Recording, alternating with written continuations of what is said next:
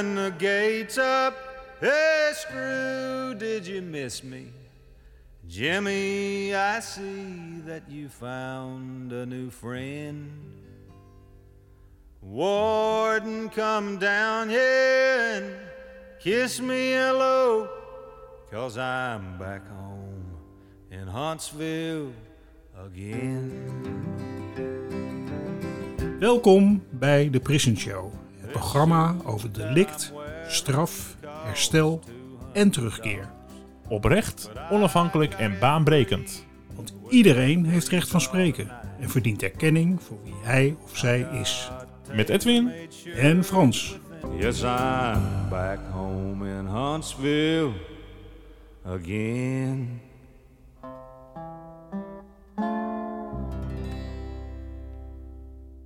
Welkom bij Prison Show podcast. Nou, mijn naam is Edwin Kwijs en ik zit hier met, eh, met Frans Douw.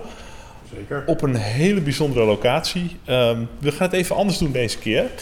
Want je kunt niet alleen luisteren naar ons als podcast, maar deze aflevering kun je ook bekijken op video. Je kan dus kie- kiezen of je deze aflevering wilt kijken of wilt beluisteren in de podcast. Kijk daarvoor ook even op de link in de omschrijving van deze video of podcast.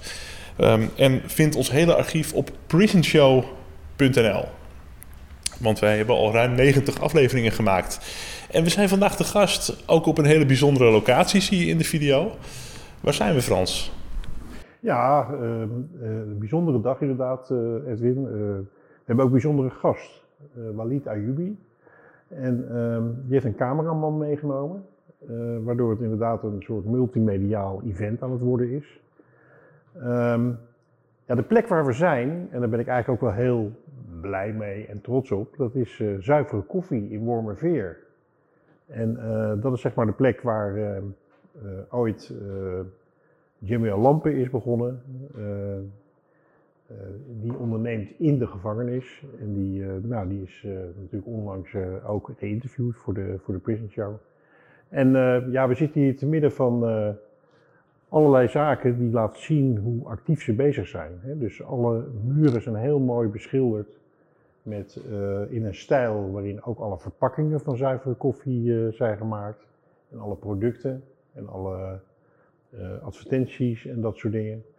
En ehm, ja, ze zijn met allerlei dingen bezig. Er staat een keuken opgeslagen die ze gaan installeren hiernaast, in de ruimte hiernaast. Want daar wordt een koffiebranderij wordt daar, gestart. Je ziet daar een tafel met allemaal potjes pindakaas. Dus ze zijn ook bezig een pindakaaslijn op te starten. En eh, ja, als je hier bent, dan eh, word je omgeven door allemaal hele aardige mensen die voor koffie zorgen en allemaal dat soort dingen. En waarvan niemand zou vermoeden dat ze bezig zijn met een traject de samenleving in vanuit de gevangenis. Mensen zoals jij en ik. Maar ehm het allerbelangrijkste op dit moment is natuurlijk het gesprek met onze gast, eh Walid. En ehm, ja, eh, eigenlijk ook heel bijzonder, omdat eh eh, Walid, welkom in de Show Dankjewel. trouwens. Dankjewel, heren. Ontzettend leuk dat je er bent. Eens gelijks. Ehm, en ik ben heel erg geïnteresseerd in, in, in jou geraakt, omdat jij iemand bent met een, met een bijzondere achtergrond en geschiedenis. En op een bijzondere manier bent opgegroeid. En ehm, ja, toch heel wat uitdagingen hebt gehad voordat je datgene kon doen wat je nu doet. Want je bent Ja. nu eigenlijk een hele succesvolle ondernemer ja, van kan je het wel 29 jaar. Ja, dankjewel. 29 jaar, voor mij is dat nog heel jong. Maar je hebt toch ook al heel veel meegemaakt en achter je. Ja, ja dat klopt. Eh, ja, misschien eh, gewoon eh ja, beginnen. inleiden. Ja, ik ben 29 jaar. Ik ehm, woon in Eindhoven. Ik heb een sportschool heb ik voor vier jaar mogen runnen. Eh, daarnaast heb ik personal training gegeven. Ik heb een eigen supplementen- en kledinglijn. Dus ik zit eh, volop in de sportwereld. Ehm, daarnaast maak ik muziek. Ik vind het heel erg. Dat is echt ook een van mijn grootste passies. Om eh, met muziek iets mee te doen. Dat doe ik ook al jaren. En wat voor soort muziek is dat? ik maak voornamelijk rapmuziek. Maar ja, op zich, het muziek is nou heel breed geworden. Dus je kan ook alle kanten op. Dus het is eigenlijk meer naar ja, rapzang. Ik zie mezelf ook meer eerder als een artiest. Dan alleen als een rapper of een coach of wat dan ook.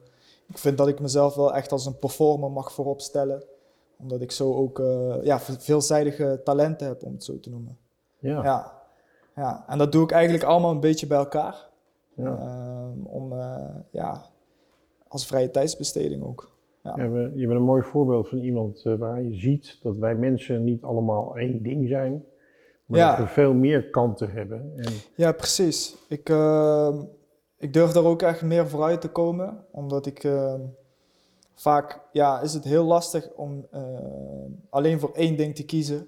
Voor mij dan, in mijn geval.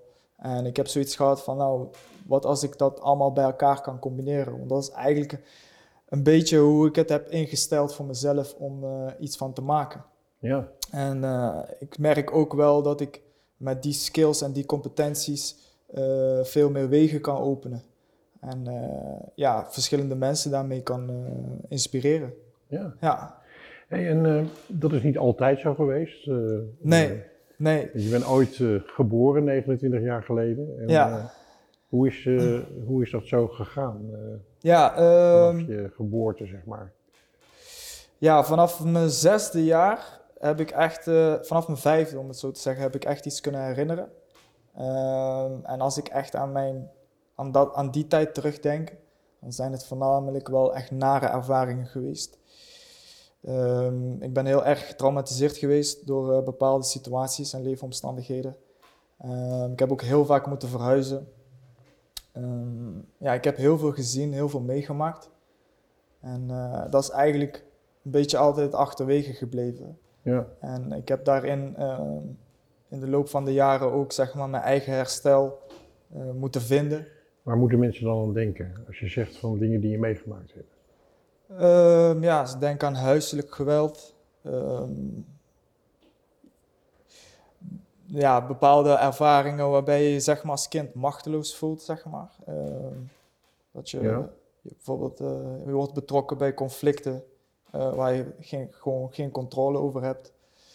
Ehm, Van conflicten van volwassenen. volwassene mensen En om als, me als heen. kind ja, kan je daar natuurlijk niks mee. Ja, ja. ehm, ja, om het zo te noemen, een van de ergste getraumatiseerde ervaringen die ik heb meegemaakt was toen ik acht jaar was. ehm, waarbij eh, mijn vader zeg maar, zijn slagader raakte eh, van zijn pols. En ik stond daarbij. En ja, het bloed spoot overal op mij, op de muren. En hij verloor eh, drie liter bloed op dat moment. Dat was een van de, de meest heftigste, heftigste ervaringen die ik ooit heb meegemaakt, ja.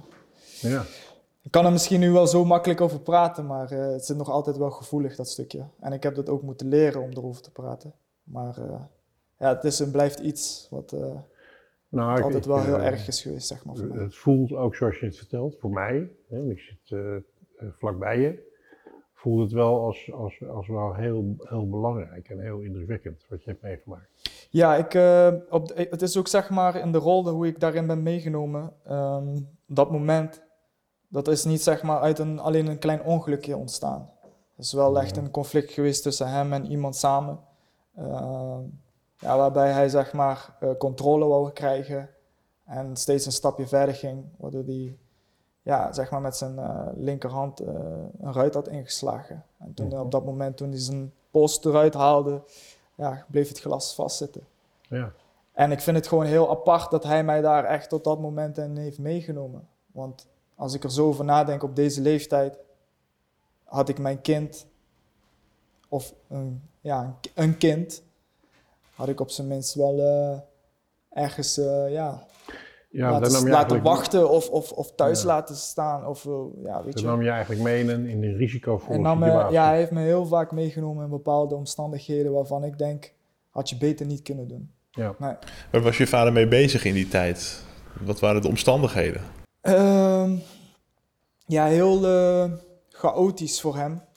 Want hij eh, had totaal niet verwacht dat hij een kind zou krijgen. Had ook zich ook totaal niet op voorbereid om- als vaderschap, zeg maar. Maar Mhm. ja, eh, mijn moeder raakte zwanger op een hele jonge leeftijd. En eh, ja, toen hebben ze toch voor gekozen om, eh, om het te proberen. Maar ze hadden onderling al een hele onstabiele relatie, om het zo te Mhm. noemen. Dus ja, de, mijn vader had zeg maar denk ik ook wel een stukje van zijn jeugd misschien gemist of nog willen inhalen. En hij probeerde dat te combineren met, met het vaderschap. Ja. Dat was zeg maar echt wel eh, het lastige daarvan. Ja, Maar was hij bezig met, moet ik zien, dat hij bezig was met handeltjes of met dingen Ja. die niet door de beugel konden? dat ja soort zeker dingen. wel dingen wat eigenlijk eh, ja, zo hedendaags eh, eigenlijk gewoon niet door de beugel kan. Ehm, ja, aan de andere kant had hij misschien wel een keus, maar ook weer niet. Omdat hij misschien zo ver in de problemen zat en het stapelde zich alleen maar meer en meer op. waardoor het een domino effect had, zeg maar. Nou eh, zeggen we vaak van, eh, er zijn eigenlijk twee redenen. Als je gewoon naar je vader kijkt, hè, Mhm. en ieder mens is zoals die is, hè. Ik bedoel, en mag dat ook zijn. Hè? Dat is een uitgangspunt. Ehm, dan zeggen we vaak van, aan de ene kant ehm, is iemand, heeft een soort karakter en een soort aantal eigenschappen die hij als het ware automatisch meekrijgt Ja. bij zijn geboorte. ja, En daarnaast zijn er ook omstandigheden die belangrijk zijn. Hè? ja. eh, van Ja. hoe je wordt. Als je nou naar jouw vader kijkt, hoe kijk je daar nou vandaag, zoals je nu in het leven staat, hoe kijk je dan naar je vader? Als ik hem eh, vanuit die tijd, zeg maar, moet eh, belichten. Ja, ik denk heel onverantwoordelijk en Hmm. heel ontwetend. Hoe, hoe, zeg maar, eh, het werkelijke leven in elkaar zit. En Een soort van onvolwassen ook. ja, hij had wel natuurlijk zeker zijn volwassen kanten. Alleen het was meer. ehm, ik denk hij had gewoon eh, een bepaalde eh, relatie met zichzelf die niet sterk genoeg was. Ik denk dat hij ook heel veel heeft meegemaakt en heel veel heeft gezien. Mhm. En daar ook nooit even over heeft, openlijk heeft gepraat. Ehm, en een stukje opvoeding. Ehm, ja, eigenlijk heel veel verschillende factoren. Hij is ook op hele jonge leeftijd vanuit Curaçao hier naartoe gekomen. Dat is even misschien wel ook interessant om te Dat is weten. in ieder geval een enorm live eh, event. Hè? Ja, wat mijn achtergrond een beetje is. Mijn vader is eh, geboren op Curaçao. Mhm. Eh, mijn moeder is Suriname. Mijn vaders kant is oorspronkelijk van Libanon. Is Libanees. En mijn moeder is Surinaams. Oké. Dus mijn vader is ook op hele jonge leeftijd als eerste vanuit het gezin naar Nederland gekomen. Ehm, ja, en dan heb je een hele andere omgeving, hele andere cultuur, hele andere standaarden, een hele ander soort druk van de maatschappij. Ehm, ja, waarin je misschien nog niet weet hoe je daarmee moet omgaan. En Ja. dat ook niet hebt meegekregen vanuit Ja. huis. Dat kan. Ja. Daar kan ik me van alles bij voorstellen. Ja. Hè, dat dat kan gebeuren. Op een gegeven moment ging het echt helemaal mis, hè? Met, met je vader. Ja, ja, ja. Eh, het ging mis op het moment dat hij, ehm, ja, zeg maar, eh, een relatie had eh, dat heel erg toxic was om te noemen. Zowel Ja. hij zelf als, als, als de partner. En hij zat zo ver in de problemen dat hij gewoon niet wist hoe hij eruit moest komen. Ehm, en ik denk het stukje onzekerheid die hij had en heel weinig zelfvertrouwen in de toekomst, dat dat hem echt heeft kapot gemaakt om drastische keuzes te maken. Ja, dus hij heeft je heel ernstig geweld gebruikt ook. Ja, ja hij, is daardoor, eh, in een, eh, ja, hij heeft daardoor een delict gepleegd, ja. Ja, Ja. Ik wil niet te veel op die delict ingaan, maar het is wel een, eh, een delict. En daardoor is hij, ja, 15 jaar heeft hij in detentie voor moeten zitten. 15 jaar detentie. Ja. En was dat ook TBS? Of was dat- Ja, 10 jaar gevangenisstraf en dan eh, vijf jaar TBS, Ja. traject. Ja. Ja, dus dat is echt, eh, ehm, ja, dat is echt wel een enorme impact moet dat gehad hebben. ja, dat heeft een enorme impact op mijn leven gehad. Ja. Eh, Want hoe oud was je toen je vader de gevangenis ja. ging? Tien. Ik was Tien, tien, jaar. jaar. Ja. Ja, ja. en eh, ja, ik hield heel veel van. Ja, ik hou natuurlijk ik hou nog steeds van hem, alleen die relatie is heel anders me- met ons. We, we hebben ook heel, we hebben bijna geen contact. Maar destijds eh, ja, was, ik echt, was hij wel echt het rolmodel voor mij, om het zo te noemen. Ja. En eh, ik voelde me heel erg veilig en beschermd bij hem. En op een gegeven moment viel dat stukje gewoon weg. Ja. Want mijn moeder was al twee jaar daarvoor, eh, zat, zaten ze al in een scheiding. Dus eh, mijn moeder was toen weggegaan. Ja, dus eh, dan bleef, ik koos eigenlijk wel- om bij mijn vader te blijven. Ja. Omdat de relatie tussen ons gewoon heel goed zat. Ja, ja. Ik, ik, ik kreeg ook echt het gevoel om kind te zijn, zeg maar, bij hem. Ja. Dus ik denk dat stukje daarom, dat ik zeg maar daardoor ook heel groot, dat het een heel groot impact op mij had. Ja. toen hij, eh. En van je tiende tot je 25ste, dat zijn echt je vormende jaren. Waarin je van kind naar volwassen groeit. Ja. En met 25 dan ben je echt al eh, volwassen. Mhm. Ehm, Heb je dan in die ontwikkeling eh, schade gekregen of er iets, echt iets gemist doordat je vader Ja, niet bij je kon zijn?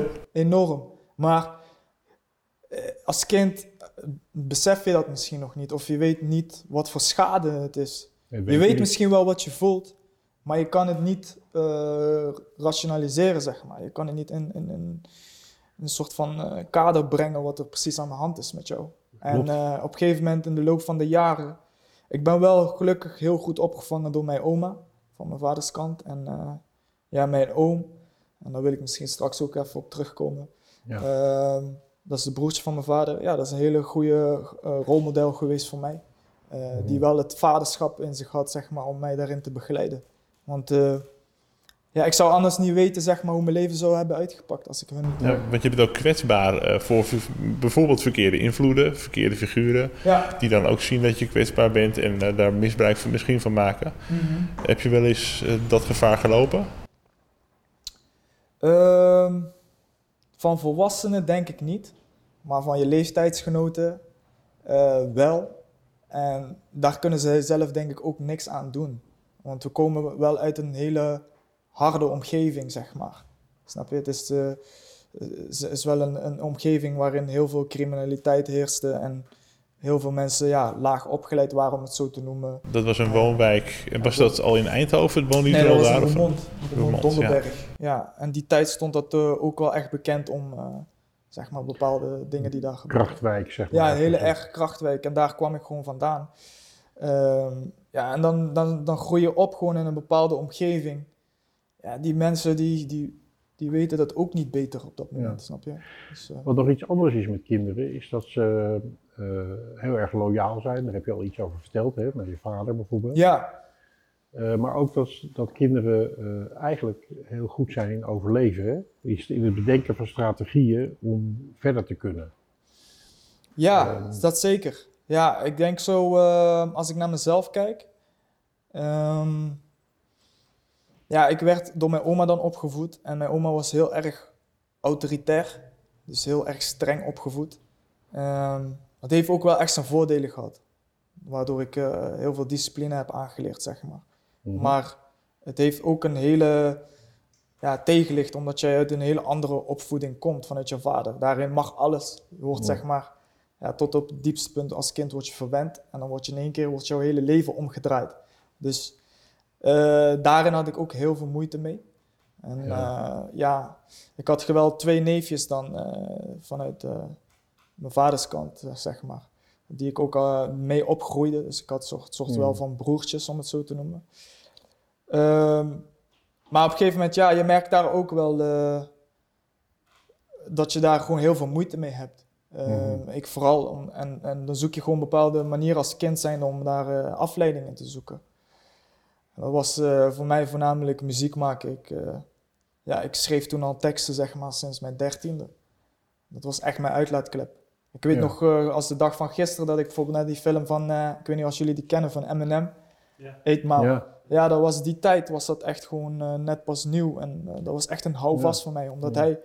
Ja, het, het heeft toch ook wel een soort kenbaar gelijk verhaal. Hij komt ook uit een hele moeilijke omgeving en hij wil het gewoon maken. ja. En hij ziet ook gewoon in hoe hij worstelt zeg maar, met bepaalde situaties. Waarin hij soms ja, agressief toch wel naar voren moet komen. Ja. Omdat het anders geen keuze is. Ja, en dat inspireerde mij gewoon, zeg maar. Dat was ook een van mijn grote rolmodellen geweest. Ja, dat was ook wel een, een eh, die Animan, ehm, die, die liet ook zijn pijn zien, hè? dat hij vanuit zijn pijn reageerde eigenlijk op de wereld. Ja, ja, ja. En eh, ja, dat had ik ook al eigenlijk een beetje. Ehm, ik was ook heel erg, eh, ja, ik had heel veel moeite om eh, met mensen in een relatie te blijven. Ik, Maar heel, weinig, heel, weinig, heel weinig vertrouwen eigenlijk in Ja. mensen. ja, wat, ik, wat, ik, wat ik hoor, en dat wil ik even bij je checken, dat is dat je aan de ene kant, ja, beschrijf je ook hoe moeilijk dat hele opgroeien was. Mhm. En tegelijkertijd vertel je ook hoeveel je toch ook meegekregen hebt hè, van je oma en van de Ja, broer van je vader Ja. en dergelijke. ja dat, dat die bewustwording is pas echt gekomen in mijn latere leeftijd rond eh 26, 27. Het is echt Ja. nog pas geleden hoor, dat ik daar die keerslag in heb gemaakt en echt ben gaan zoeken naar mezelf.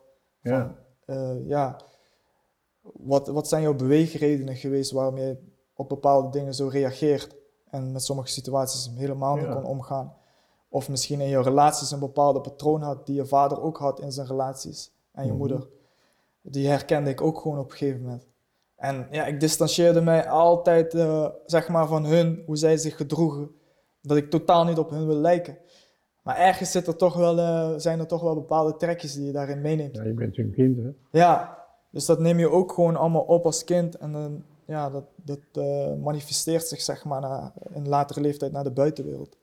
Ja, waar ik wel heel. ehm, ik heb een soort beeld en een soort gevoel bij jou al nu opgebouwd. Hè, van iemand die veel meegemaakt heeft, maar ook iemand die veel gekregen heeft. Hè. Omdat Mhm. ik vind dat de manier waarop ik jou ervaar ook laat zien dat je best wel. ehm, best ook wel stevig bent. Je bent wel een stevig mens. Hè. In je schoenen staat inmiddels. Ja, ik, ik hou er niet van om mijzelf zeg maar op een voetstuk te leggen. Mhm. Maar ik hoor dat wel heel erg veel vanuit de omgeving waarin ik eh, zeg maar opgegroeid ben. En ook met de mensen die, waarmee ik omga. Ja. Dat ze daar eh, heel veel kracht en inspiratie uit halen, zeg maar. En dat ze ook zo naar mij kijken als eh, een soort van overlever. Ik ben Ja. iemand die het overleefd heeft, zeg maar. Maar ook wel iemand die ook echt positieve keuzes in zijn leven maakt. Niet altijd. Ik heb Mhm. niet altijd positieve keuzes gemaakt. Absoluut niet. Ehm, ik heb juist fouten moeten maken om te Mhm. weten wat positief is. Ja. ik heb daar ook heel veel mee geworsteld. Echt heel veel. Ja, ehm, maar goed, dan vind ik je nog heel jong voor iemand die al eh, behoorlijk hersteld is van de dingen die hij heeft meegemaakt. Ja, ik weet ook niet zeker of ik helemaal hersteld ben.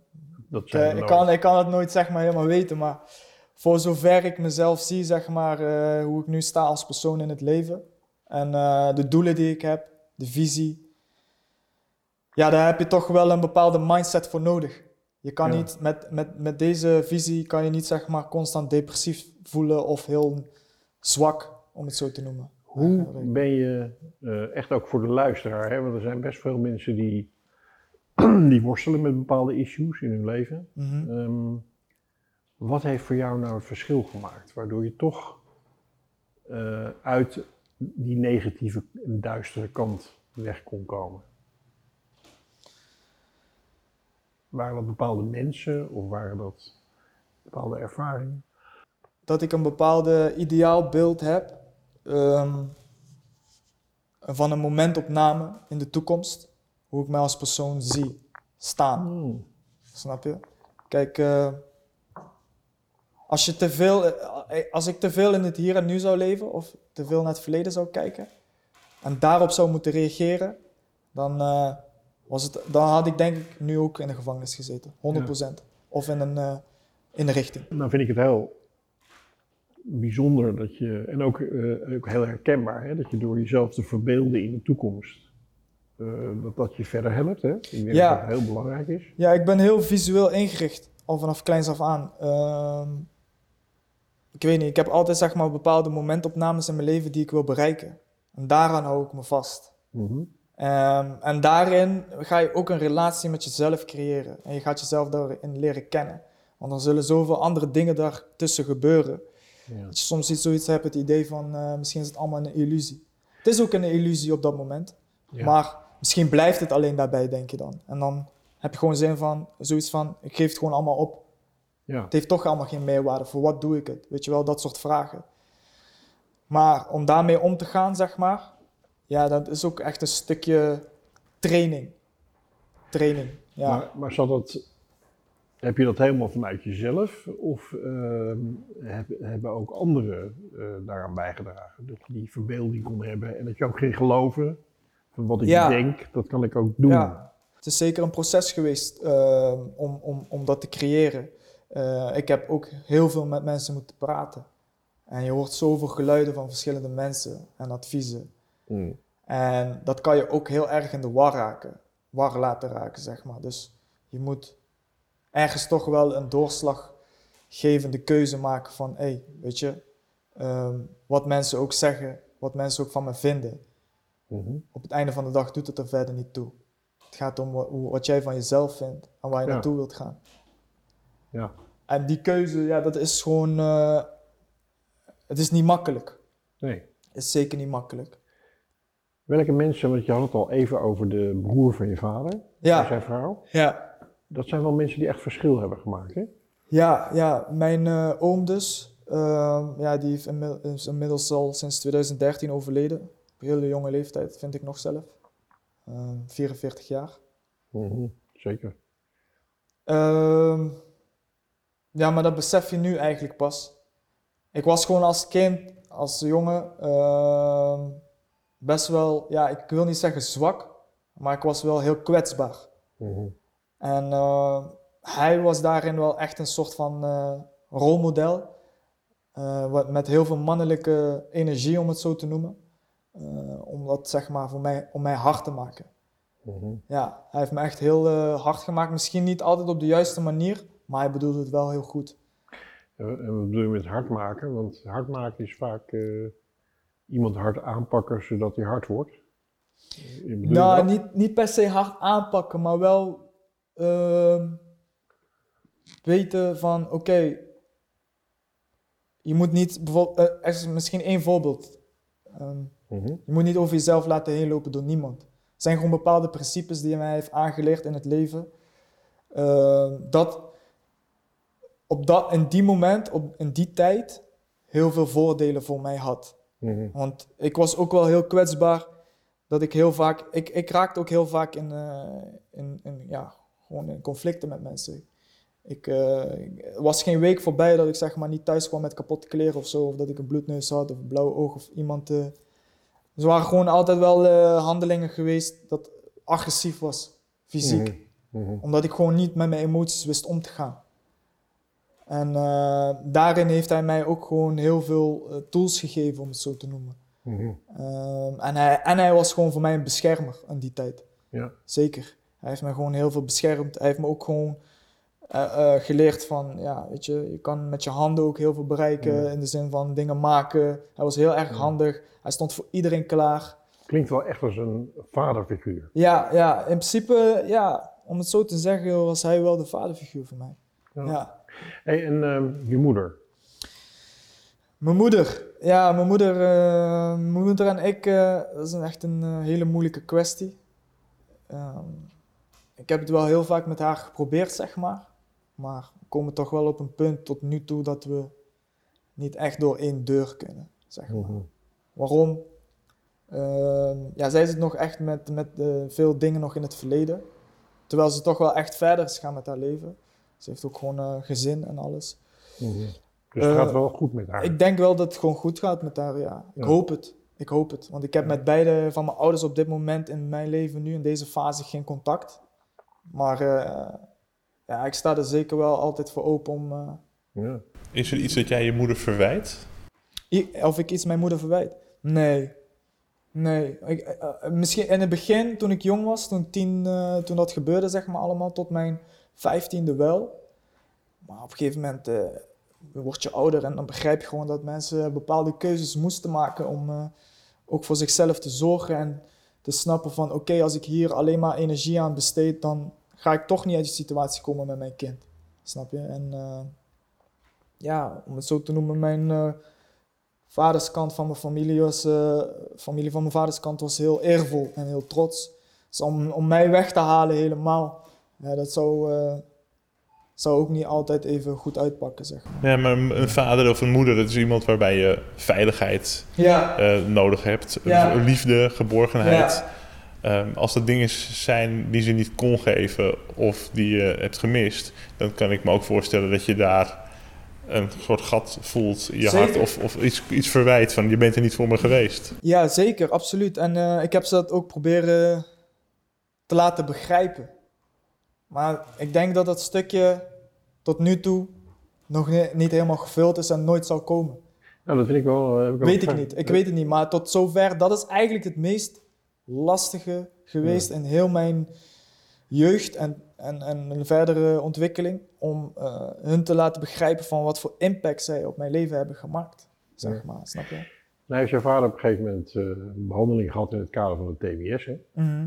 En het TBS krijg je eigenlijk als de rechter op advies meestal van een psychiater, altijd eigenlijk van een psychiater zegt van je moet behandeld worden, want anders eh, blijf je gewoon in bepaalde patronen Ja. hangen. Ja, dus Ja. er is iets mis in je ontwikkeling of je persoon, waardoor je eh, iets minder toerekeningsvatbaar bent, zou je Mhm. kunnen zeggen.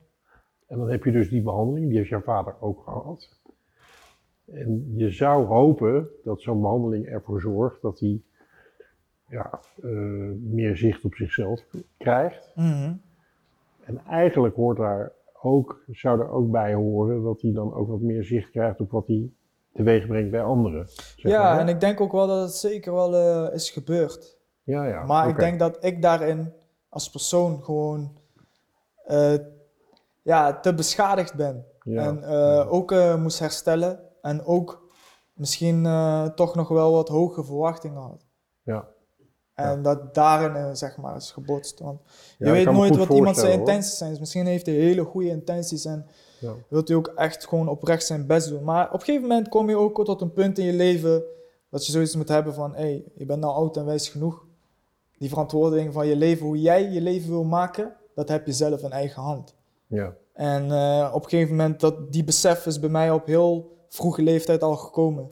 Toen Ja. ik eh, 22 of 23 was, had ik zoiets al van, ja... Ja, ik ben vanaf mijn 17e al, eh, zeg maar, mezelf gaan eh, wonen. En eh, toen deed ik ook al eh, studeren, werken, alles bij elkaar, stage lopen. Maar op een gegeven moment, ja, die, die, die klappen van wat er allemaal is gebeurd in het verleden, dat, komt, ja, dat, dat neem je daarin gewoon mee. En Ja. ik denk toen ik 23 was, ja, had ik zoiets van, oké, weet je, je kan twee dingen doen. Je kan continu de vinger wijzen naar andere mensen en in het verleden blijven kijken. Of je gaat nu een keuze maken vanaf vandaag en je gaat je eigen leven proberen in te richten. ja, En ja. misschien gaat dat heel veel werk kosten. dat is een behoorlijke wind. De brommer. Oh, De brommer waait eh, om. oh die Ja, we nemen dit op op een hele stormige dag. Ja, stomme, we stommige dag, stommige Maar gesprek. laten we maar even. Ja. Mooie titel voor een podcast. Stormgesprekken. Ja, ja, ja. Ja, ja. Ja, nee, maar om terug op het punt te komen. ehm, ja, er zijn gewoon veel dingen gebeurd. En Ja, ergens vind je toch gewoon kracht in jezelf. En als je dat ontdekt, dan maakt het verder niet uit wat iemand jou heeft aangedaan. Het Ja. maakt misschien wel uit dus in de zin van dat je niet meer Ja. met diegene in, in, in relatie meer goed kan zijn. Maar jij moet gewoon verder gaan. J- jij leeft jouw eigen leven. En ehm, dat heb ik ook gewoon echt heel vaak moeten begrijpen. Leren Ja, begrijpen. ja, ja. Ja. Het enige pad dat je kunt bepalen is niet het pad van iemand anders, maar alleen je eigen pad. Ja, en dat is gewoon ook, als je, ik heb, dat is ook wat ik in mijn werk en in mijn eh, passie en eigenlijk alles bijna in mijn leven meeneem. Ja. Die pijn die ik heb ervaren, dat er zit zoveel kracht in. En dat is echt wat ik mensen, eh, zeker met deze podcast, wil meegeven. Ja. Er zit zoveel kracht in die pijn, die je om kan zetten. In positieve energie. Ja, echt in positieve energie. En eh, als, je dat, als je dat stuk gaat leren begrijpen, dan, eh, dan kan er, kunnen er echt veel deuren voor je opengaan. Want Ja. je wil mensen iets meegeven. Eh, er groeien nog steeds eh, jongeren en kinderen op in eh, wijken met een achterstand of met hele vervelende omstandigheden. Ja, Die hebben misschien in hun eigen perspectief het idee van, nou, er is niets anders dan dit. En ja, hele wereld Ja. bestaat daaruit. ja Wat zou je tegen die kinderen of jongeren willen zeggen? Allereerst dat ik ze heel goed begrijp en heel goed snap waarom ze zich zo voelen. Ehm, dat is één. Want vaak eh, is het heel lastig om eh, soortgelijke mensen te vinden die, die jou echt op, tot op het diepste punt begrijpen. Dus het Mhm. begrip zit daarin heel hoog. Maar wat ik ze zou zeker wel zou willen meegeven is. ehm, dat wie jij zelf denkt te zijn van binnen, hou daaraan vast. Want heel veel mensen komen op jouw pad en die gaan jou misschien andere zijwegen geven, wat zij denken dat voor hun goed is, maar misschien niet voor jou. Dus het vertrouwen die je in jezelf moet hebben vanaf dat moment dat je het hebt ontdekt, hou daaraan vast. En weet dat er echt altijd mogelijkheden zijn voor jou. Eh, het komt op de meest ja, bizarre moment misschien op jouw pad, dat je totaal niet had verwacht. Eh, dat je vertrouwen moet hebben. En ook vertrouwen in mensen. Ja. Toch wel. Want er zijn genoeg mensen die jou eh, daarbij echt kunnen helpen. Mhm. Alleen alles zelf doen, Dat heb ik geprobeerd. Dat lukt niet. En eh, alles voor jezelf maar opkroppen. eh, dat gaat er ook op een gegeven moment eruit komen. Op hele rare, nare manieren naar buiten. Dus eh, probeer daar te leren over te praten of met iemand. En ehm, ja, stel gewoon korte termijn doelen voor jezelf op. Ja. Wat je wil bereiken. Dat is heel belangrijk. En zo'n vertrouwenspersoon, dat kan iemand op een leraar op school zijn, of een buurvrouw, of dat maakt niet uit. Als je gewoon iemand hebt waarvan je je gevoel hebt in je buik, daar kan ik mijn verhaal aan vertellen Ja. en daar is het veilig. Ja, precies. Dat is echt een stukje intuïtie. Dat is iets niet wat je zo... eh, dat is niet tastbaar. Dat kan je niet zo even vastpakken, om het zo te zeggen. Mensen komen op je pad. Ja, mensen komen gewoon op je pad. En het leven kan echt... Alle, het, is, het is heel onvoorspelbaar. Het kan alle kanten op gaan. En, ehm, waar ik nu ook wel heel erg geïnteresseerd ben, hè, je vertelt over je jeugd, je opgroeien en nou, een aantal hele zware dingen, maar ook eh, hoor ik in je verhalen ook wel veel talent en, en, en je bent ook heel veel goede mensen tegengekomen. Ja, Ehm, maar nu ben ik wel heel benieuwd van, van wat je dan allemaal bent gaan doen. En, ja. Ehm, wat ik heb gedaan heel veel eh, in de tijd dat ik eh 14, 15 was, is eh, rappen natuurlijk. Dat was mijn uitlaatklep. Ik ben ja, gewoon zoals iedere talentvolle persoon met, met passie voor muziek naar een jongerencentrum gestapt en daar mijn eh, muziek laten horen. Zo, is- zo kom je mensen daar tegen die het ook hetzelfde doen. Je gaat een groepje vormen. Ehm, op een gegeven moment ga je meer muziek uitbrengen. Je krijgt optredens. Eh, je ziet dat er publiek zeg maar naar je juicht. Dus er is een bepaalde show die je Dus geeft. je was best heel succesvol ook. In die tijd, ja, die tijd zeker. Dat was wel, eh, het was, eh, de rap en hip-hop in Nederland is natuurlijk. eh, het is nooit echt zeg maar helemaal erkend geweest. Nu Mhm. wordt dat langzaam wel, ja, nu is dat al eigenlijk zo zijn. Is het al dan kan je daar ook heel veel mee verdienen natuurlijk. En heel veel andere dingen. Succes, alles kan je ermee krijgen. Maar in die tijd was het echt, ja, gewoon je, jezelf laten horen via een open mic Ja. om het zo te noemen. En als je dan talent had, ja, dan moest je gewoon maar hopen dat iemand eh, met jou daar aan de slag mee ging. Ja. En eh, Waar luisterde je zelf naar in die tijd? eh, die tijd... Ook Nederlandse idolen- rap of? Ja, allebei. Allebei. Eh, vanuit de Amerikaanse kant eh, was dat meer, eh, ja, zoals eh, bijna iedereen, Tupac. Sowieso. ja. Biggie nog niet echt. Biggie ben ik meer in mijn latere leeftijd gaan luisteren. Eminem, Mhm. heel veel. Eminem heb ik echt mezelf in eh, kunnen herkennen, zeg maar. Eh, ja. Dat is echt eh, een van mijn rolmodellen geweest. En Nederlandse raps. eh, Die, eh, die tijd toen ik nog bezig was met rap, ja, dan hebben we het over THC. Zit Ja, hier in hebben- Amsterdam. Ja, we hebben Hamda Belgaroui hebben we in de prison Oké. Oh, tof. Ja. Ja, geweldig, hun, ja. geweldige gast. ja, THC heel veel. LSD, die komt uit Zaandam. Was die tijd Ja. ook wel, eh, was eh, met Nino die tijd. Ja, zo zijn er nog wel, eh, wel wat andere mensen geweest waar, waar ik Ja. toen naar luisterde. En die waren toen heel succesvol in die tijd, zeg maar. Want toen moest je, moest je het... er was net nog... YouTube was volgens mij net pas uit, denk ik, die platform. Toen keek je nog alles op tv via de box, heette dat. Ja, de box kun je zo Ja. met je telefoon eh, bestellen, de clips Ja, aanvragen. ja, dat, is een, eh, dat was een En- muziekprogramma. En. TMF, dat was net commerciëler. En Commerciële sommige en, eh, bandjes konden al hun vrienden oproepen om eventjes te gaan stemmen op de box. En dan kwam je opeens voorbij. Ja. En sommige bands zijn zo doorgebroken. Ja, Ja, ja, echt. En dat, dat- die tijd was het de box, dat was echt meer voor die underground hip-hop. Voor de mensen die, eh, ja. Ja, wat ik wel heel mooi vind, en ik heb, eh, eh, ik heb het eigenlijk min of meer ook door Hamda en zo, ben ik het een beetje gaan herontdekken en weer allemaal gaan luisteren.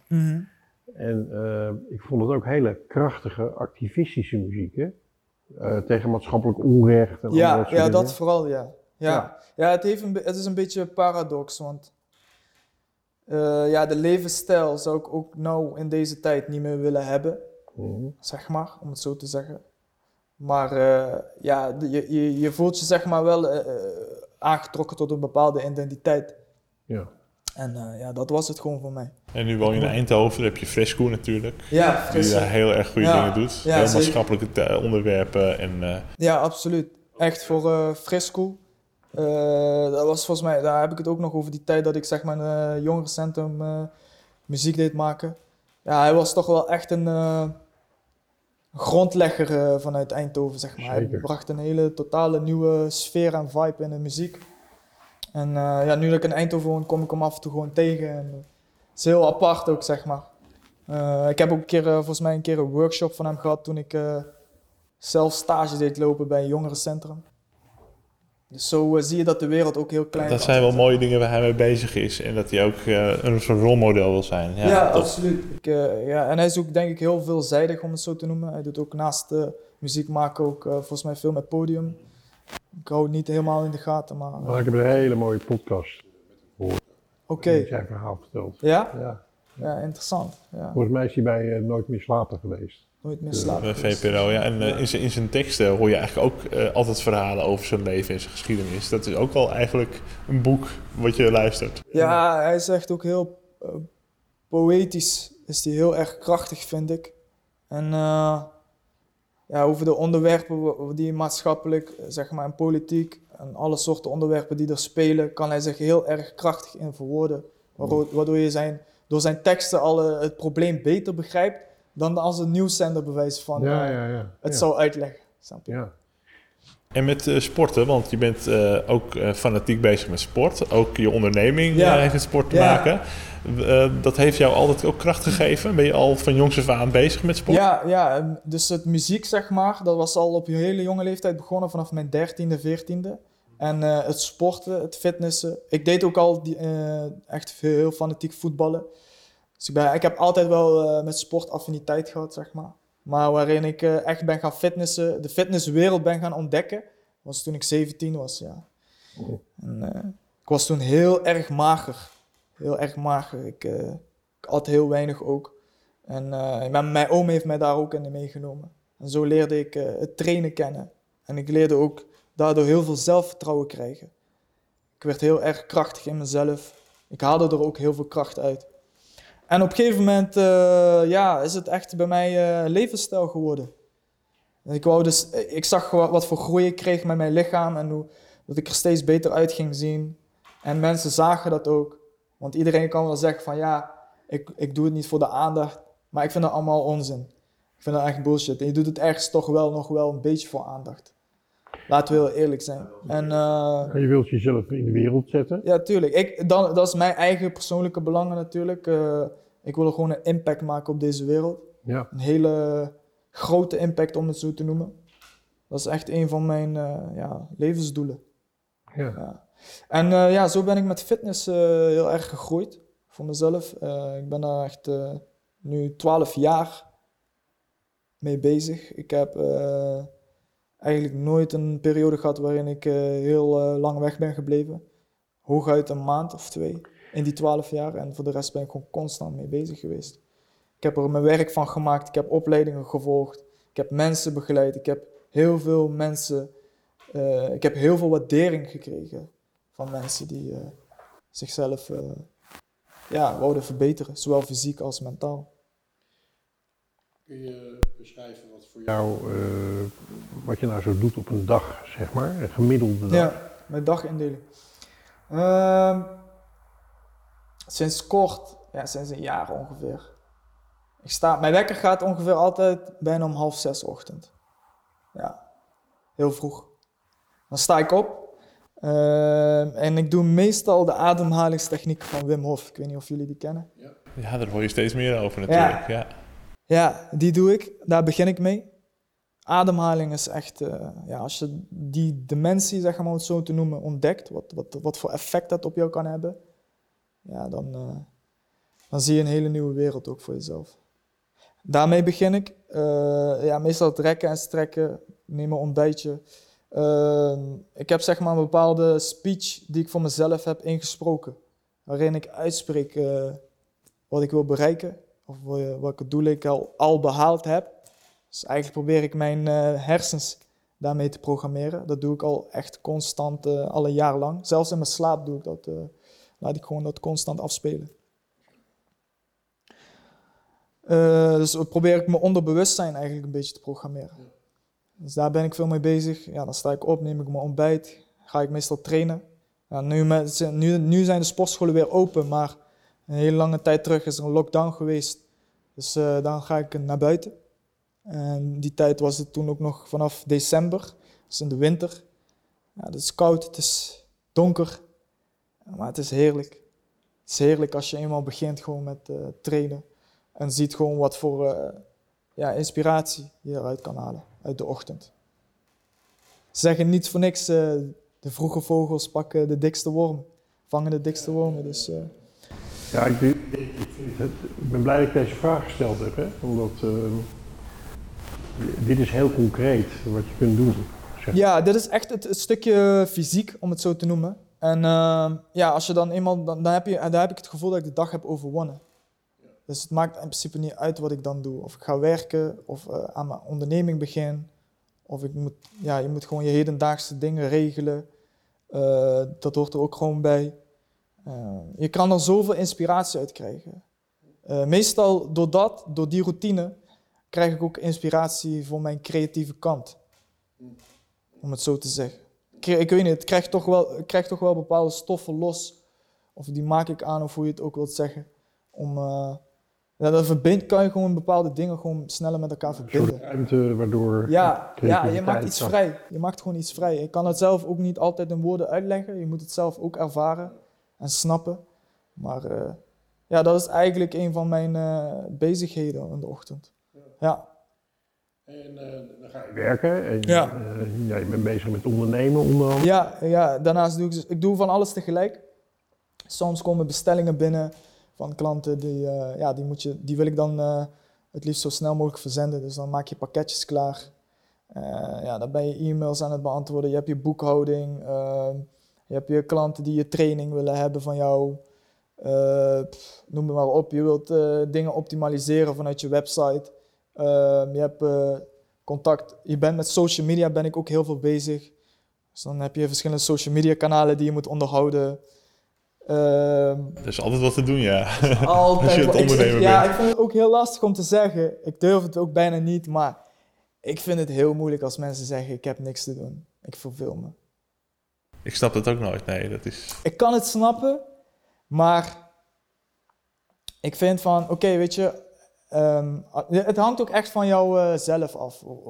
Wat zijn jouw doelen? Weet je, hoe zie je je leven voor je? Snap je? Wat voor zelfbeeld heb je? Nou, ik vond die term die jij gebruikte van uh, uh, dat je iets vrijmaakt, iets vrijlaat als het ware. Dat vond ik wel een mooie, want ik heb zelf altijd de indruk als mensen zich vervelen, mm -hmm. als ze dat zeggen, dan zijn ze geblokkeerd. Want je hebt als mens, heb je gewoon energie. Ja. En als je die niet ja. kwijt kunt, ja, precies ja. dan, dan is, zit er ergens een barrière of ja. Ja, uh, ja, en dat is ook iets wat ik pas op later termijn ben, uh, lange termijn ben gaan ontdekken. Uh, je moet er een bepaalde gewoonte van maken. En uh, om, het is een soort van ja, stukje structuur, zit er zoveel elementen bij, daar moet je echt doorheen even bijten soms. Het klinkt heel raar, maar tenminste dat is hoe ik het ervaar.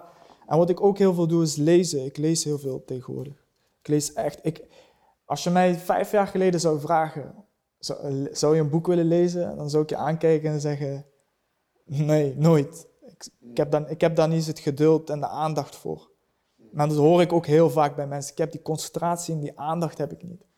Maar als je eenmaal begint te lezen en je houdt dat in een uh, structuur aan, dan gaat er toch wel iets bij jou veranderen, waardoor je die aandacht gaat krijgen. En wat voor boeken lees je, Wally? Wat is het laatste boek wat je gelezen hebt, bijvoorbeeld? Ik lees nu Patronen doorbreken. Ik weet even de schrijver, zijn naam niet. Dus dat is weer een zelfhulpboek, zeg maar. Ja, een soort van uh, schematherapie is dat. Dus dan heb je de kindmodus, de oudermodus. Je hebt verschillende volwassen rollen uh, die je in jezelf kunt herkennen. En te weten ongeveer hoe je daarmee moet omgaan. Zijn dat de boeken die je leest? Zijn, ik lees heel veel verschillende boeken. Ik lees echt meer uh, ja, het, het, het, psychologische en spirituele kant, zeg maar, van boeken, die ook vaak praktisch toepasbaar zijn, zeg maar. Ik, uh, ja, ik ben onder de indruk van zo hard als je werkt, ook aan jezelf. Hè? Mm. Uh, daar heb ik heel veel respect voor. Echt fantastisch. Dankjewel, wederzijds. En ik word steeds nieuwsgieriger naar ja. de fantasie die jij hebt ja. over van ja... Ja, uh, ja vraag waar, maar raak, we zijn waar, er nu. Waar, ga, waar gaat het naartoe? Waar, gaat, waar, gaat, dit stoppen? Waar gaat dit eindigen? Ja, waar gaat het eindigen? ja. ja, ik denk uh, dat het nooit zal eindigen. Dat het een oneindige cyclus blijft. Uh, ik heb, ja, om het zo te zeggen... Ehm, ik heb gewoon, eh, ik sta gewoon heel erg open voor verandering. Dat heb ik altijd gehad, zeg maar. En ik vind, ik snap ook wel dat er mensen zoiets hebben van, ik, ik kan niet veranderen. Ik vind het heel moeilijk. Ik weet niet hoe ik daarmee moet omgaan. Ik heb een bepaalde identiteit en ik denk dat dit gewoon voor altijd bij me blijft. Dus daarom is die discussiepunt ook vaak met mensen vind ik ook heel moeilijk om, te, om over te praten. Of je, je, je vaardigheden of de karaktereigenschappen die je hebt, zeg maar, of dat helemaal veranderd kan worden. Dat is echt een stelling die ik nog steeds tot de dag van vandaag mee zit. Wat ik met veranderen heb, is ehm, dat ik heb geleerd dat het ook een, het aanleren van een patroon of van een gewoonte is. En dat je vaak 30 dagen nodig hebt om een gewoonte aan te leren. Ja. Bijvoorbeeld, echt een goed voorbeeld uit de praktijk is, eh, ik beet altijd mijn nagels. Ja. Ik heb nu hele mooie nagels. Omdat ik vorig jaar twee armen tegelijk heb gebroken. En wekenlang in het gips. Ja, toen kon ik gewoon niet meer nagels Ja. bijten. En toen heb ik op een gegeven moment had ik, Ja. had, ik- had ik zo dat, dat patroon aangeleerd voor niet Ja. meer nagels bijten. Dat ik denk, ja, het heeft toch nog iets opgeleverd. Weet je, dus Ja. dat kun je zo klein zien, maar dat kun je ook met veel grotere dingen. Ja, zeker. Ik er probeer het naar 30. gekeken. Want hij liep echt Ja. met twee armen in het gips. Oh. En, en dat dat echt een, een, een zegen was, dat heb ik nog niet zo... eh, Ja. Ja, ik kon er soms wel om lachen op dat moment wat minder. Maar ik zag ook van, oké, dit moet ook iets opleveren, waardoor ik denk, het is niet voor niets geweest. Ja, ja, voor jezelf. Echt voor jezelf is dat heel belangrijk, die invulling. Want eh, als je dat, dat stukje ziet, zeg maar, het positieve van het negatieve. Zoals ik al zei in het begin van het gesprek, dan gaan er gewoon heel veel deuren voor je open. En eh, ja, dat is eigenlijk een beetje met de, met de instelling waar, waarmee ik loop. Tot in de kleinste details, maar ook grote dingen die ik eh, meemaak, zeg maar. Ja, maar zoals ik al zei, lezen vind ik heel interessant. Ik lees ook heel veel Engelse boeken. Ja, ik, eh, kijk, ik ben heel nieuwsgierig naar eh, mensen hun biografieën, om het zo te noemen. Ik vind het ook heel interessant om te leren over het, over de, het hersensgedeelte, over de hersensgedeelte. Je hebt zeg maar ook bepaalde frequenties met je hersens die je uitzendt. Eh, er zijn ook verschillende verdelingen daarin. Ja, je hebt, het is het kennis- en informatieveld. eh, Je had het net over, ehm, dan ga je een bepaald verhaaltje zo vaak herhalen. En ook in je hoofd, zelfs tijdens je slaap kun je dat Ja. afspelen. Is het dan neurolinguistisch programmeren? Ja, Heet dat ja. wel zo? Ja, dat is een soort van, eh, ja, precies. eh, Wat, is, wat, wat is dat NLP voor jou? NLP is eh, sinds kort voor mij heel interessant geworden. Hoe zou je het omschrijven? Hoe zou je aan de, de luisteraars en de kijkers die niet, niet weten wat eh, NLP, neurolinguistisch Ehm. programmeren is, hoe zou je dat omschrijven? Ja, ik hoop eh, daarin niet de verkeerde eh, uitleg over te geven, maar hoe ik het zie, eh, het is meer het eh, communicatiegedrag, zie ik het meeste. Hoe je dat naar buiten brengt, in, in, naar mensen in contact. Ehm, zowel non-verbaal als verbaal communicatie. Dus denk aan jouw lichaamshouding, manier van praten, jouw eh, ja, de tonaliteit van, jouw, van je stem bijvoorbeeld. Als je heel zachtjes praat of heel hard, dat het een bepaalde ja, een wisselwerking heeft, zeg maar. En ook eh, op grote menigte, dus op publiekelijke vorm. Ehm, ja, hoe, je dat, eh, hoe- je dat kan verbeteren, het is een soort skill. Het zijn skills die je aan kan leren, zeg maar. Zeker. Ja. Het is, eh, we hebben Emma Molenaar en eh, Caroline Struik gehad in onze podcast, Mhm. Oké. En die vertellen ook een soort eh, vergelijkbaar verhaal. Hè, dat je dus eigenlijk, het gaat eigenlijk om eh, hoe, hoe je je verhoudt tot jezelf en, en vervolgens tot je omgeving. Hè? Ja. Daar, daar gaat het eigenlijk over. Ja, ja. Ja, wel. Niet alleen bij NLP hoor, ook bij non-violent communicatie Ja, gaat het over. Er zijn allerlei Ja. methodes. Mhm. Maar die hebben eigenlijk allemaal tot resultaat dat je als mens effectiever wordt in het halen. Juist, het effectieve kant. De, dat, dat stukje zocht ik, zeg maar. eh, hoe, je het, hoe je het effectief kan toepassen Ja. in, eh, in je relaties eh, met mensen. Ja, ja, dan kom ik toch nog even terug. eh, eh, ik ben vasthoudend, hè. ja, ja. Eh, kom ik toch nog even terug op dat, op dat perspectief, hè? Op, dat, op dat, de verbeelding van de toekomst. Mhm. Wat acht je voor jezelf mogelijk? Zeg maar tussen nu en vijf of tien jaar. Sowieso een eigen, eigen ehm, sportschool weer oppakken, omdat sinds de lockdown is, eh, ja, heb ik heel veel verlies daardoor geleden als Ja. ondernemer ook. Ja. Dat zeker. Ehm, met een hele sterke team daaronder. absoluut. Ik wil heel graag eh, mensen helpen verbeteren aan hun eh, gezondheidsdoelen. Eigenlijk het meeste, of het nou met sport is of met muziek. Want ik heb ook passie bijvoorbeeld voor het acteren, vind ik ook heel leuk. Eh, een van die takken, om het zo te noemen. Dat ik daarmee een eh, effect op de mensen kan krijgen, zeg maar. Een bepaalde invloed. Positief invloed, om het zo te noemen. Dus eh, mijn, eigenlijk een beetje ook mijn verhaal wil nabootsen eh, in, in mijn passie. Dat ik daar heel veel voldoening uit krijg. Ja. Ja. Dus om het zeg maar kort samen te vatten, ja, ik wil wel echt eh, een hele invloedrijke persoon worden. Die eh, veel kan betekenen voor mensen. Maar niet alleen mensen, ook gewoon in de natuur. Ja. Dieren, ik hou heel erg van dieren. Ik zou het geweldig vinden om bepaalde projecten op te zetten in het buitenland. Om kinderen te helpen. Eh, ik denk, ja, eerst zeg maar het stukje mezelf gewoon goed helpen en succesvol zijn. Dat is voor mij de eerste stap. En vervolgens eh, andere mensen gaan helpen. Ehm, ik denk zeker, ik geloof zeker dat je dat kunt. Hè, dat je die dromen gaat realiseren. Daar ben ik eigenlijk wel van overtuigd. Een hele Positieve energie. Dankjewel, goed om te horen. Hoor ik niet altijd. nee. Heel voel. Ja, positieve energie, maar niet eh zo'n springen in het veld. Eh, ik zie je ook heel doordacht, bijna filosofisch, zo eh, goed nadenken Ja. over wat je volgende stappen is, wat vol- Ja. volgende stappen zijn en wat je gaat vertellen. Ja, ik ben, ook, ik ben ook daarin echt heel strategisch. Normaal ging ik er echt met mijn em- emoties erin. En nu leer ik gewoon strategisch te handelen. En dat is ook heel belangrijk in het ondernemen. Of wat voor eh, ja, rol je ook hebt. Of je een eh, artiest bent of publiekelijk figuur. Er zijn gewoon bepaalde voor- en nadelen in die rol. En daar moet jij gewoon weten mee leren om te gaan. En sommige dingen kan je ook gewoon niet mee omgaan. Sommige dingen overkomt je ook gewoon.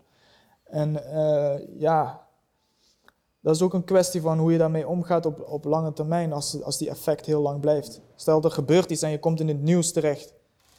Ja, heel veel mensen hebben daar gewoon jarenlang last van en die moeten hun positie daarin weer proberen terug te winnen. Weet je, maar we zijn, dat is wat wij zeggen, we zijn allemaal mensen.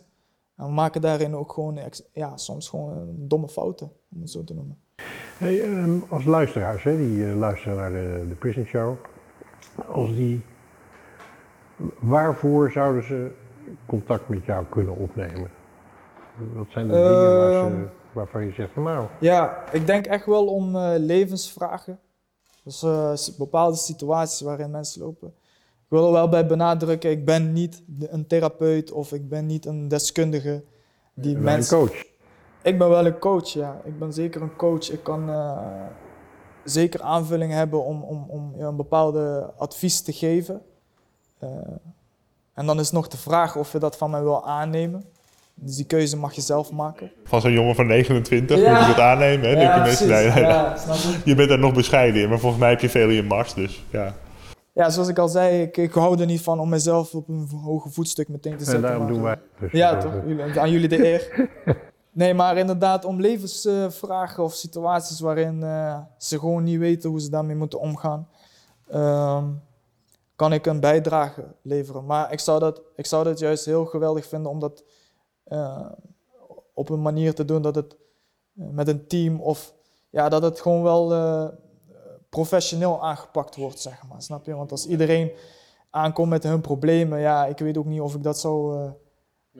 Dat is ook voor mij. Problemen heb ik altijd in de aanbieding voor je. Dus eh, als je meer problemen wil, Ja, dan gooi ik ze bij je over de schutting. Ja, schuif maar erbij. Maar, nee, maar bijvoorbeeld eh, de problemen kan ik op zich wel aan, maar hangt ook af welke. Want sommige mensen komen ook natuurlijk om bijvoorbeeld hun fysieke gesteldheid te verbeteren. Ja, daar ben ik gewoon voor. Maar dat is niet alleen fysiek, dat stukje mentaal daar komt er veel meer bij kijken. En dat, dat, dat, dat mensen, die mensen zien dat ook gewoon bij mij. En dit stukje krijg ik ook echt gewaardeerd. Dus zie ook wel echt dat ik daarvoor eh, de, de skills heb, zeg maar. De Ja, persoon. dus mensen die, die bepaalde barrières willen eh, overwinnen in hun leven, hè, die eh, misschien eh, ja, aan het worstelen zijn met bepaalde Ja. uitdagingen, Ja, die eh, kunnen bij jou echt de fysieke, mentale ondersteuning krijgen. Ja, ja zeker. En eh, natuurlijk is gewoon een van mijn doelen om dat publiekelijk veel meer naar buiten te brengen in mijn eh, talenten.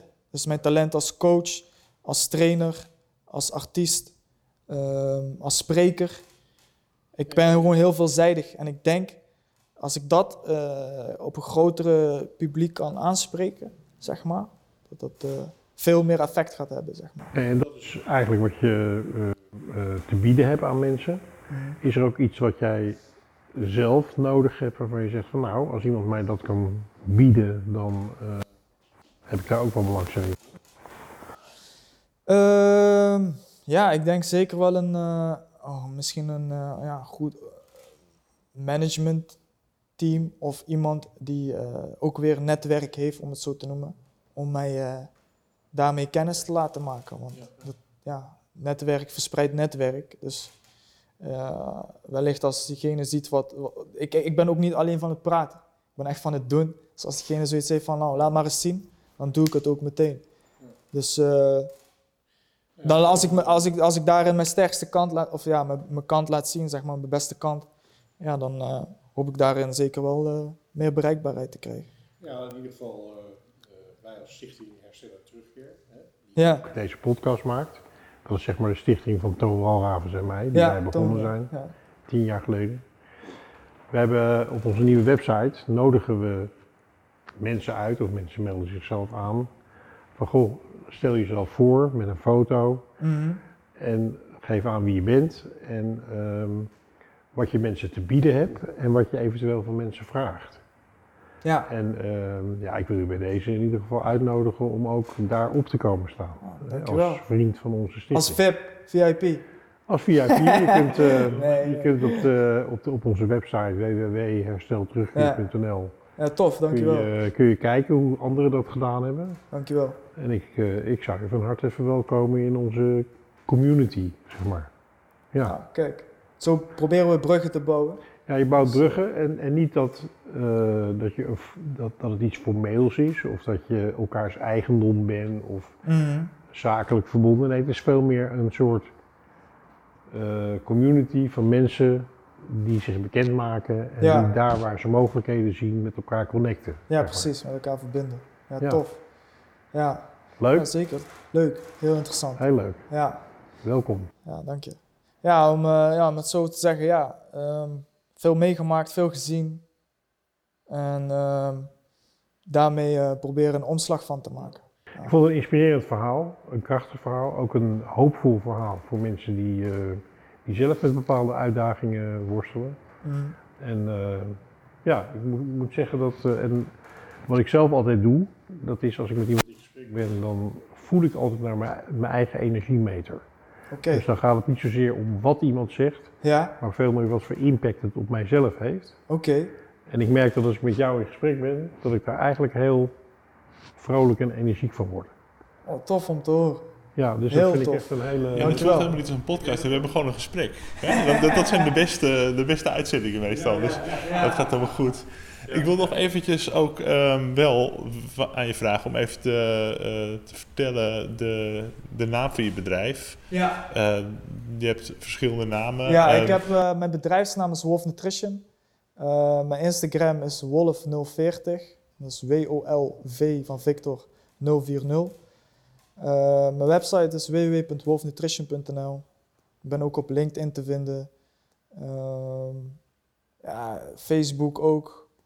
Ik heb eigenlijk alle sociale links, maar het meeste die ik gebruik is Instagram. Dat is eh, Wolf040. dus, dus naast het, de gym en het mensen trainen heb je ook een aantal producten zoals heb, nutrition. Ja, nutrition. Ik heb supplementen, eh, waaronder de pre-workouts, plantaardige eiwitten, BCAA's, dat zijn aminozuren, vitaminemix, fatburners. Ik heb van alles liggen. Ja, dus eh, neem eens een keer een kijk. Heel breed, eh, heel breed scala, daar eh, kunnen we Ja. je ook voor, eh, voor benaderen. Ja, dat vind ik wel belangrijk om ook, om ook nog even te, te noemen ja, natuurlijk. dankjewel. Alle relevante links en websites zit ik ook even bij de show notes van de podcast. Mhm. Dat uiteraard is het eh, overzichtelijk en zo aan te klikken. Ja, wat een verhaal. We willen je hartelijk bedanken. Ja, zeker. Super. Zeker, Wederzijds, bedankt voor de eh, uitnodiging. Buitengewoon eh mooie ontmoeting. Ja, Dank je. Zeker. Ja, Dankjewel, Walid. Walid, dankjewel en heel ja veel succes. bedankt. Dankjewel, heren. En jij ook bedankt voor het filmen, want dat is natuurlijk Ja, ook eh, zeker. Respect naar de cameraman. Ja, zeker. Absoluut. Mike Ettinger. Ja. Luisteraars bedankt, kijkers bedankt en eh, ons archief met eh, meer dan 90 podcasts al tot nu toe vind je op prisonshow.nl. Yes, I'm back home in Huntsville again.